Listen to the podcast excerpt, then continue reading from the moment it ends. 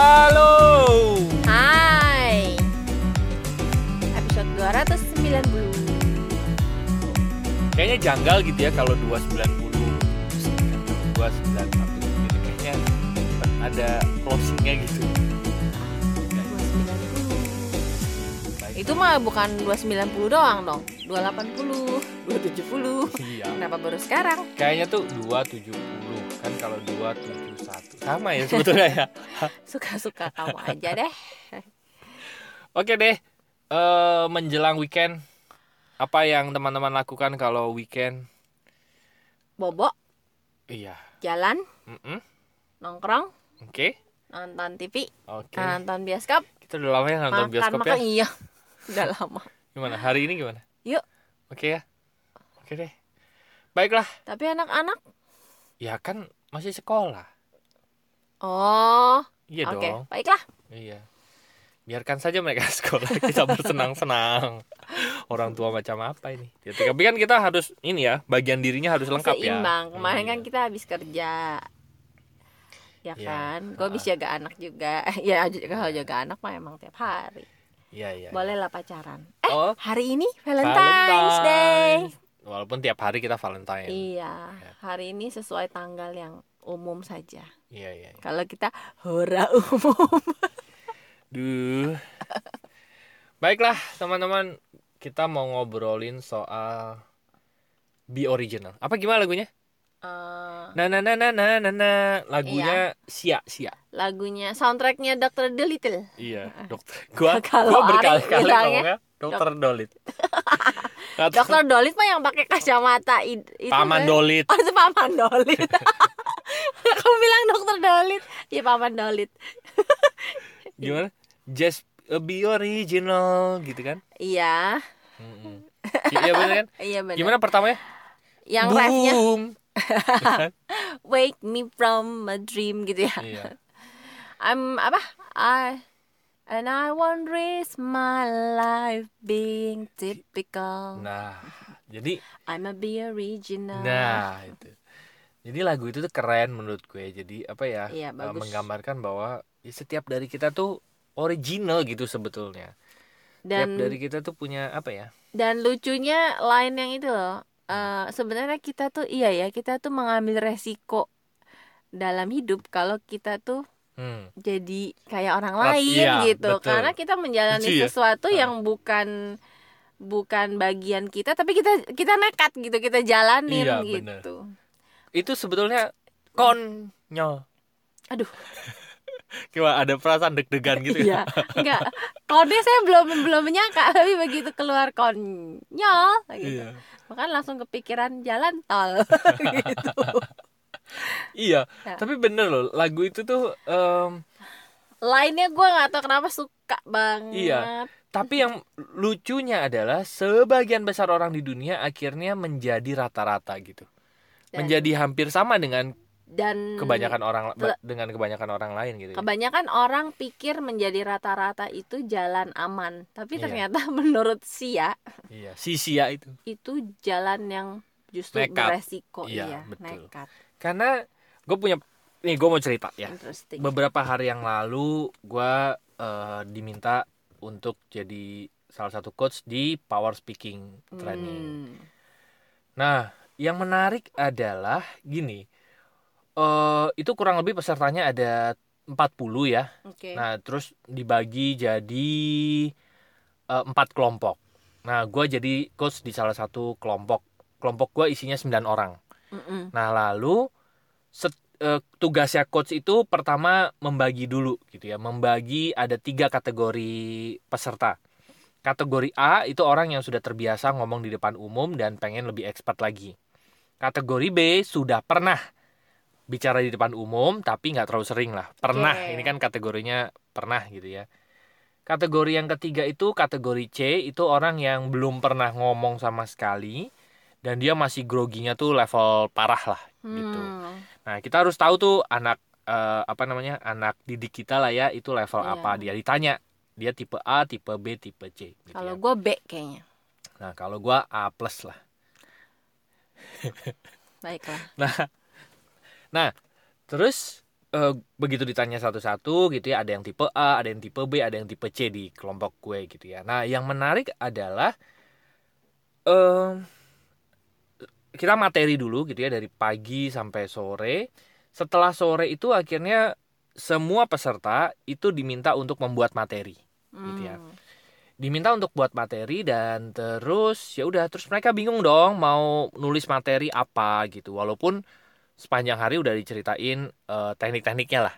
Ya. mulai dari opening konten dan eh, closingnya gitu ya. Nah gue cuman bilang gitu bahwa cari aja materi yang paling deket sama kita. Kita punya keresahan apa gitu.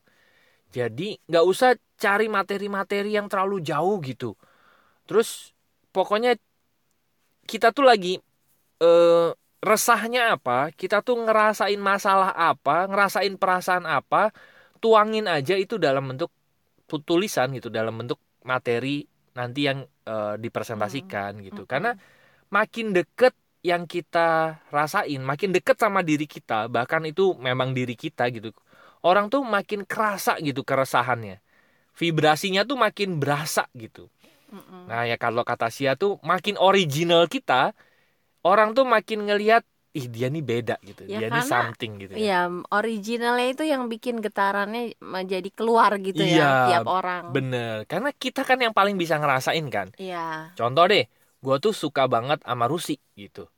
Nah kan gua yang bisa ngerasain kan perasaan itu gitu. Nah, Hmm. Tapi gue bisa menuangkan itu dan akhirnya getarannya nyampe gitu ke banyak orang gitu kan. Ah, apalagi Apa ke sih? saya. Iya kan. Iya. Kenapa? Karena gue paling ngerasain itu gue makan enak. Gue cerita ini nasi goreng enak banget gitu. Karena gue yang ngerasain gitu kan. Nah, terus akhirnya mereka nulis deh, nulisnya macam-macam tuh. Ada ada yang nulis. Eh, insight-nya gue kagum gitu sama mereka gitu ya. Hmm. Bener-bener kagum. Ada yang nulis tentang eh, ada ada satu anak didik gue yang nulis dia udah jo dia jomblo nih umur udah 30 tahun lebih cowok.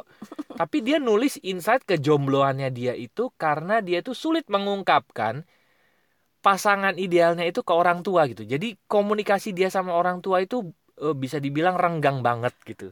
Oh. Jadi, dia tuh nggak tahu orang tuanya tuh pengen pas eh, menantu yang seperti apa gampangannya dan dia tuh juga sulit mengungkapkan perasaan-perasaannya kalau dia suka sama eh, cewek Hmm. gitu ya. Gue pikir gila, gue belum pernah loh tahu Dapet. ada jomblo yang dari karena insight dari itu insight ya. itu gitu Iya. karena Menarik. kebetulan papanya juga sakit gitu ya dia ngurusin Oh. papanya gitu ya Oke. Nah, insight itu tuh ih, gila keren banget ya. Gue pikir ya jomblo karena biasanya kan jomblo belum dapet jodoh. Itu kan rata-rata banget kan Mm-mm. gitu. Tapi ini insight yang bener-bener original gitu. Iya. Sampai akhirnya sembilan orang ini presentasi di dalam kelompok sendiri gitu ya. Oke. Dikasih waktu 5 menit masing-masing masing. Akhirnya ketemu dua orang. Mm-mm. Ketemu dua orang yang akan tampil di eh, beradu kepada tiga kelompok yang lain kan Oke. gitu. Akhirnya maju eh, diwakilkan dua orang. Yang menarik adalah wakil kelompok gue yang pertama dari tipe A. Ini wajar kalau tipe A. Mm-mm. Yang satu lagi dari tipe B. Mm-mm. Nah, gue cukup kaget waktu gue lihat catatannya. Hah? Dia mengkategorikan dirinya B, tapi dia berhasil ya maju gitu. Mm-mm. Sampai akhirnya kontes. Wah, bertarunglah dengan kelompok yang lain. Dan lo tahu nggak, yang jadi juara satu ini adalah yang kategori B. Si kategori B Hmm. ini mengalahkan kategori-kategori yang A itu. Ah. Gue kaget gitu. Bahkan ya, gue sampai lupa loh waktu voting itu ya, nama ini gitu ya. Gue gue tuh kok banyak Oh, amat ya yang itu. eh, ditulis Iya, votingnya. jadi yang menilai itu semua 40 Oke. orang itu nulis nama satu nama, Oke. gitu kan? Waktu vote itu nama ini, nama ini kok nama itu banyak banget ya. Siapa ya? Gitu. Gua gua lupa bahwa itu anak didik gue gitu. Gua sadar-sadar begitu. Eh, dia yang menang. Oh, itu anak didik gue ya. gitu. Jadi eh gue cuman eh, dari kemarin tuh gua masih berasa nih perasaan gue. Waktu Hmm. yang menarik adalah waktu dua orang ini ditunjuk kan gue yang nilai di kelompok gitu ya waktu eh, dua orang ini ditunjuk dua-duanya tuh bilang aduh jangan saya lah om grogi segala macem ya terus gue bilang bahwa rasain aja kayak teman-teman mau cerita materinya ini ke sahabatnya. Namanya sahabat itu nggak pernah ada yang menghakimi kan. Lo jelek, lo ini segala Hmm. macam. Lo cerita aja kayak lo curhat sama sahabat lo. Mereka akan Iya. terima dengan dengan lapang dada lah gitu, Mm-mm. menerima lo apa adanya kan namanya cerita. Terus yang kedua gue bilang nggak usah eh, jangan berpikir untuk memotivasi orang lain, menginspirasi orang lain. Enggak, lo cuman mau cerita apa yang lo rasain, udah itu aja. Kalau Mm-mm. toh akhirnya orang termotivasi, orang terinspirasi, ya berarti mereka yang mereka yang membuat diri mereka ter- termotivasi sendiri, bukan Iya. kita gitu. Hmm. Gue nggak tahu kenapa gue juga gue nih sama Rusi sering banget dibilang tuh si Ari tuh jadi motivator gitu ya teman-teman gue gitu ya kemarin gue juga ngisi satu acara diminta jadi pembicara juga bi- dibilangnya gitu ini kita sambut motivator kita gue bilang sampai gue bilang di depan gue tuh bukan motivator enggak gue vibrator terus terang gue nggak pernah nggak pernah bener-bener punya niat untuk memotivasi orang lain menginspirasi orang lain enggak gue cuman cerita apa yang gue resahin gitu Iya. gue cuman cerita apa yang ada di dalam hati gue udah kalau ternyata orang lain termotivasi ya dialah sebetulnya yang membuat dirinya termotivasi gitu kan Tuh ya. Nah.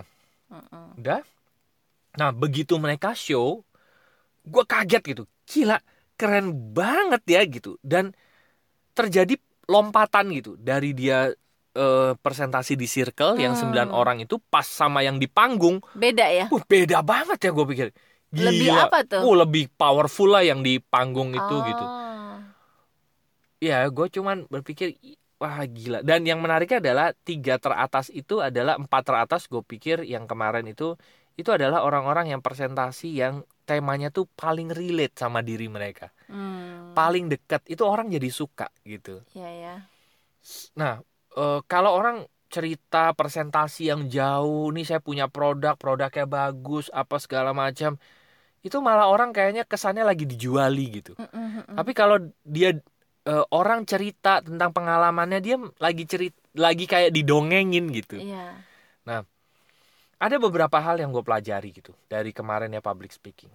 Yang pertama, be original itu gitu. Semakin kita punya kita semua pasti punya cerita kehidupan gitu. Iya. Setiap orang tuh punya cerita yang unik, yang Mm-mm, yang gue banget lah gitu. mm-mm. Dan sering kali orang itu melupakan ceritanya sendiri dan akhirnya mereka mengambil cerita rata-rata gitu. Hmm. Padahal cerita mereka itu selalu unik, selalu menarik, bahkan cara mereka cerita dengan gaya mereka itu udah itu keren banget gitu. Cuman Hmm. sering kali orang tuh kayak em, kayak apa ya? Kok ceritanya mirip-mirip lagi sama orang lain itu? Kok dia ceritanya gaya bicaranya mirip sama yang itu gitu. Hmm. Ya itu kata Sia tadi gitu ya. Mereka tuh menjadi nekat untuk menjadi rata-rata gitu. Karena menjadi rata-rata gitu. Tapi coba deh cermati. Makin orang itu punya gaya sendiri, punya cerita sendiri, itu pasar malah menangkap gitu. Pasar tuh malah ngelihat bahwa ini sesuatu yang unik gitu. Hmm. Itu yang pertama be original. Yang kedua, kita tuh sering kali nggak tahu potensi diri kita sampai kita melakukannya dan kita menemukan mentor yang tepat gitu. Hmm. Jadi waktu mereka gitu ya mau maju, mereka tuh masih apa iya ya, apa iya ya gitu. Tapi begitu panggungnya disediakan, mereka mulai berdamai dengan ketakutannya gitu ya. Mereka mulai eh, mengeksplor dirinya. Wah, mereka tuh jadi sesuatu yang keren banget gitu. Kita tuh bisa jadi sesuatu yang sangat wah eh, unbelievable lah gitu. Bener-bener mungkin eh, di luar bayangan kita gitu. Nah, itu dua hal yang gue pelajari sih dari eh, kemarin gue eh, ikut eh, power speaking gitu ya, public speaking training itu gitu. Makin original, makin pasar itu makin berasa getarannya Ya. gitu. Jadi, aduh, ya bener sih kata Sia itu. Jangan nekat lah untuk Mm-mm. menjadi rata-rata gitu. Si Grant Cardone bilangnya be obsessed or be average gitu kan. Hmm. kita termot kita terobsesi dengan pencapaian-pencapaian eh, diri kita gitu gitu sih itu yang mau gue ceritain Hmm, ya. Apa lagunya Apa? Danana be, be original gitu ya. I'm a be original. gitu Ya, ya, ya, ya. gitu teman-teman Baiklah. ya Ya, Baik. selama Ari ber- ha- Ari bicara, gua merefleksikan iya ke diri gue sendiri. Nah. Apa originalitas gue? iya betul terus eh memang ada fasenya sih sering kali ada fase pertama itu kita itu merasa bahwa eh, takut untuk dihakimi.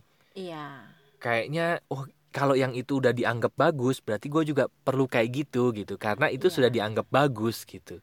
Padahal sebetulnya dia bisa dianggap bagus karena itulah originalitasnya dia gitu.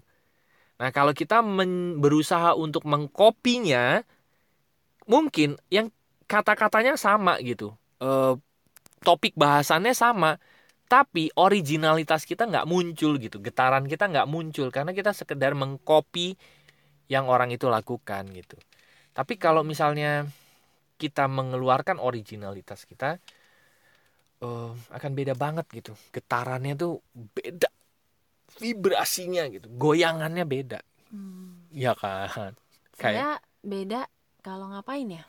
Saya lagi mikir. Hah? Baiklah. Tulisan mah tulisan tulisanmu tuh selalu beda menurut saya ya kan Hmm, gitu ya. iya Ya, ya, ya, ya. ya tulisanmu ya tulisanmu ya gitu ya gitu dah ya kan Hmm. setiap dari kita pasti beda lah oke teman-teman jadi Mungkin yang membuat kita belum berani ngeluarin originalitas kita salah satunya adalah satu belum melakukan. mm-mm.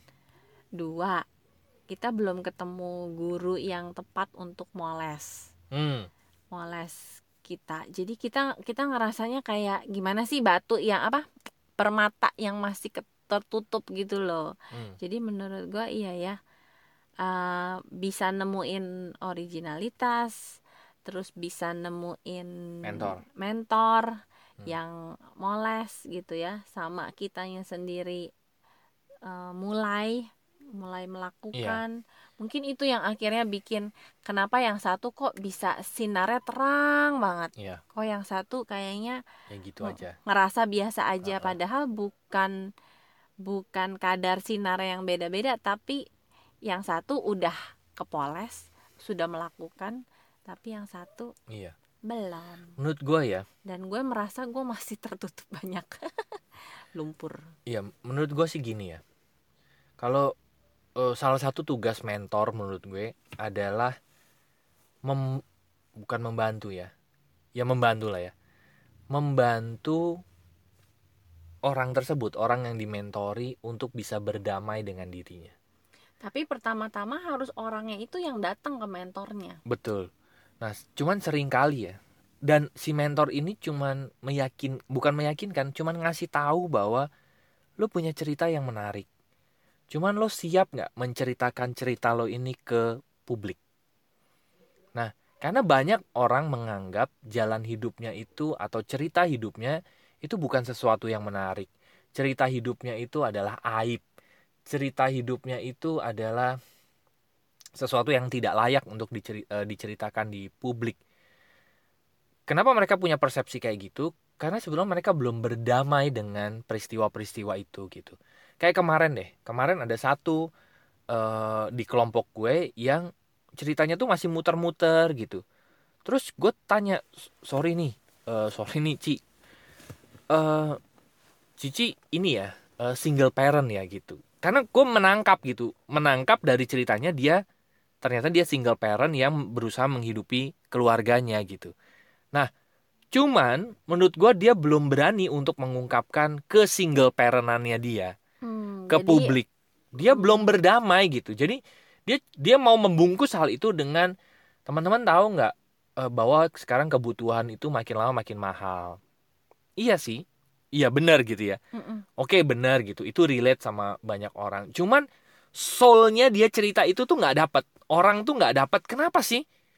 uh, emang iya sih jadi baru sekedar iya sih gitu tapi kalau coba dia dia bilang ini teman-teman sepakat nggak kalau misalnya makin lama ke, uh, biaya hidup itu makin lama makin mahal? Iya.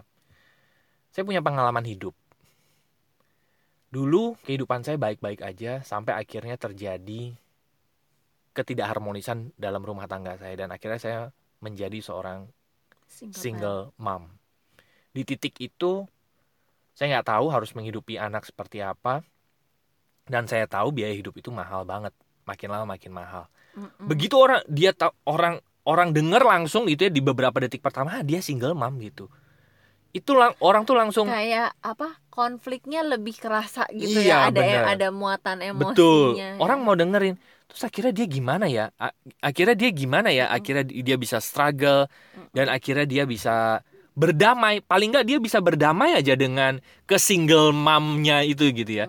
Karena banyak loh orang yang merasakan kekhawatiran yang sama. Iya. Gitu.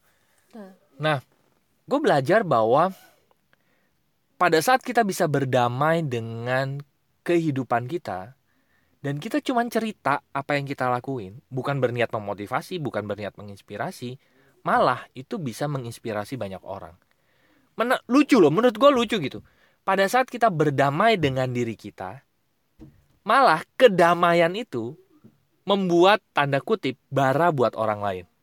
Oke. Okay. Gitu. Cuman kita perlu berdamai dulu dengan keadaan-keadaan kita, keadaan-keadaan hidup kita hmm. gitu. Nah, lompatan itu sebetulnya yang membuat orang menjadi speaker yang handal. Yeah. Karena orang bisa berdamai dengan dirinya, akhirnya dia menemukan originalitas dirinya karena dia merasa tidak ada perasaan yang harus disembunyikan dalam dirinya gitu. Mm -mm. Yang ngomong-ngomong aja, gue itu udah begi begini gitu. Mm -mm. Nah, kalau orang belum ketemu originalitasnya, dia belum berdamai dengan dirinya, dia akan menjadi rata-rata. Kenapa? Karena dia takut mengungkapkan dirinya. Karena kalau dia mengungkapkan dirinya nanti dihakimi kalau dia jelek, dia ini, dia ini mm -mm. segala macam gitu. Mm -mm. Itu sih tugas utama salah satu tugas utama kita juga gitu. Ya ya ya. ya. Mungkin nggak hanya sekedar di public speaking ya, ya gitu. Tapi pada saat kita berkarya apa pun itu, menurut gue eh, lompatan itu yang perlu dilakukan bagi banyak orang gitu. Dan tugasnya mentor menurut gue adalah mentor tuh tahu gitu. Oh lo punya masalah ini, lo kenapa nggak berdamai dulu? Pada saat orang bisa berdamai dengan keadaan itu, itu jadi cerita original yang gila keren banget menurut gue bener-bener yeah. keren banget itu gitu sih bu baiklah oke okay. baiklah nah teman-teman pasti punya nih cerita yeah. original apa pun itu gitu pa mungkin pada saat dengerin dari tadi Ari ngomong kayak gue udah mulai muncul iya ya gue tuh punya cerita ini gue tuh punya hmm. ini gue tuh punya ini dan mungkin udah mulai kepikiran uh, apa yang mau di dikemas dengan benar originalitas betul. itu betul sekali apa yang bisa dilakukan benar dan ya. akan akan muncul gue bertahun-tahun yang lalu gue pernah nulis gitu ya setiap orang tuh punya luka luka itu bisa jadi karya kalau ya. kita bisa menyembuhkan luka itu gitu kalau kita bisa berdamai dengan luka itu banyak karya-karya besar lahir gara-gara luka sebetulnya. Okay. Banyak orang yang akhirnya menemukan penemuan-penemuan besar gitu ya, karya-karya hebat karena sebetulnya mereka didorong dari luka-luka itu gitu. Mereka punya luka, didorong, sembuh dan akhirnya mereka berkarya. Gitu. Ya. Oke deh. Nah, siap. Pasti gitu. Gue bisa bilang pasti setiap dari teman-teman punya luka. Apa lukanya? Hmm, terus belum kebayang mungkin mengeksplornya gimana masuk aja ke website kami yaitu lompatanhidup.com nanti ada tiga page di sana. Yang pertama ada home. Home buat ngobrol buat chat silahkan masuk aja nanti ada tombol wa nya di sana. Ya. yang kedua ada konseling dan, event. dan event. nah, ada itu uh, buat teman-teman yang mau buat janji tatap muka ya. ketemu untuk konsultasi konseling pribadi dan juga menggunakan event ya. dan di sesi tiga ada bisnis, bisnis. buat teman-teman yang mau tahu bisnis kami apa mau dapat rekomendasi dapat bisnis rekomendasi dari kami dan juga mau da, apa dimentori ya. ya silakan masuk, masuk aja, aja ke page yang bisnis oke okay. terima kasih sudah mendengarkan episode 290 semoga bermanfaat dan sampai jumpa di episode berikutnya thank you bye bye see you